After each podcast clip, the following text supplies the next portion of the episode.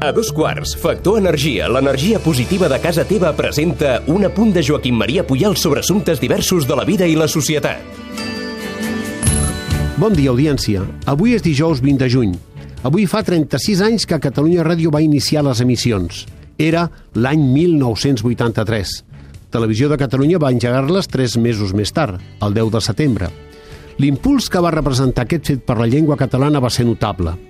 Fins aleshores, gràcies als esforços lloables que s'havien fet en les desconnexions pel circuit català de televisió espanyola, l'emissió de Ràdio 4, les programacions territorials, autonòmiques o locals de les emissores de cadenes espanyoles, la cobertura de ràdios i televisions municipals i molts altres, gràcies a tot això, ja s'havia deixat sentir la nostra llengua a través de les zones. Però, amb la incorporació de TV3 i Catalunya Ràdio al català, van fortir els seus altaveus socials. Després, amb la digitalització i els canvis normatius posteriors, l'oferta audiovisual s'ha multiplicat servint, sobretot en l'àmbit televisiu, per la difusió de la llengua espanyola. Així doncs, les emissions per tot l'Estat han estat, i ara són, sistemàticament en castellà. Contribueix a aquest fet un costum que s'ha convertit en norma general – els nostres oients hauran pogut observar moltes vegades com quan alguna persona que té interès mediàtic compareix davant els diversos periodistes i fa declaracions a la ràdio o a la televisió en català, de manera sistemàtica, quan acaba, hi ha periodistes que estan enregistrant les manifestacions que li diuen «ahora en castellano». Aleshores, la gent accedeix a repetir el seu discurs en castellà. És un costum general. Potser algú podria tema que en cas de no fer-ho li poguessin dir mal educat. Potser. Però la conseqüència és que per aquest camí, llevat del castellà, cap de les llengües de l'Estat té presència mediàtica en el territori conjunt del regne.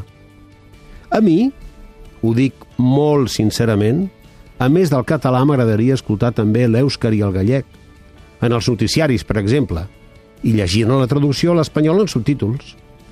Però això és ben difícil que passi i per mi és un fet molt trist, perquè es nega al conjunt de ciutadans de l'Estat la possibilitat d'escoltar, de notar, de sentir a prop el conjunt de les llengües de l'Estat i de començar a estimar-les també. En canvi, impedint-ho, en lloc de cohesionar els nostres pobles, se'ls allunya.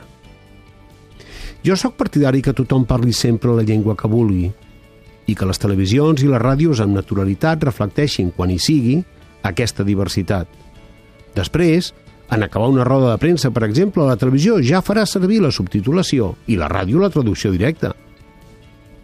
Crec que hauríem de fer alguna cosa en aquesta línia. Seria la manera que, sense deixar-nos d'entendre, tots els ciutadans sentissin parlar de tant en tant totes les llengües de l'Estat. I això ha de ser boníssim. Boníssim per tothom. I és legal.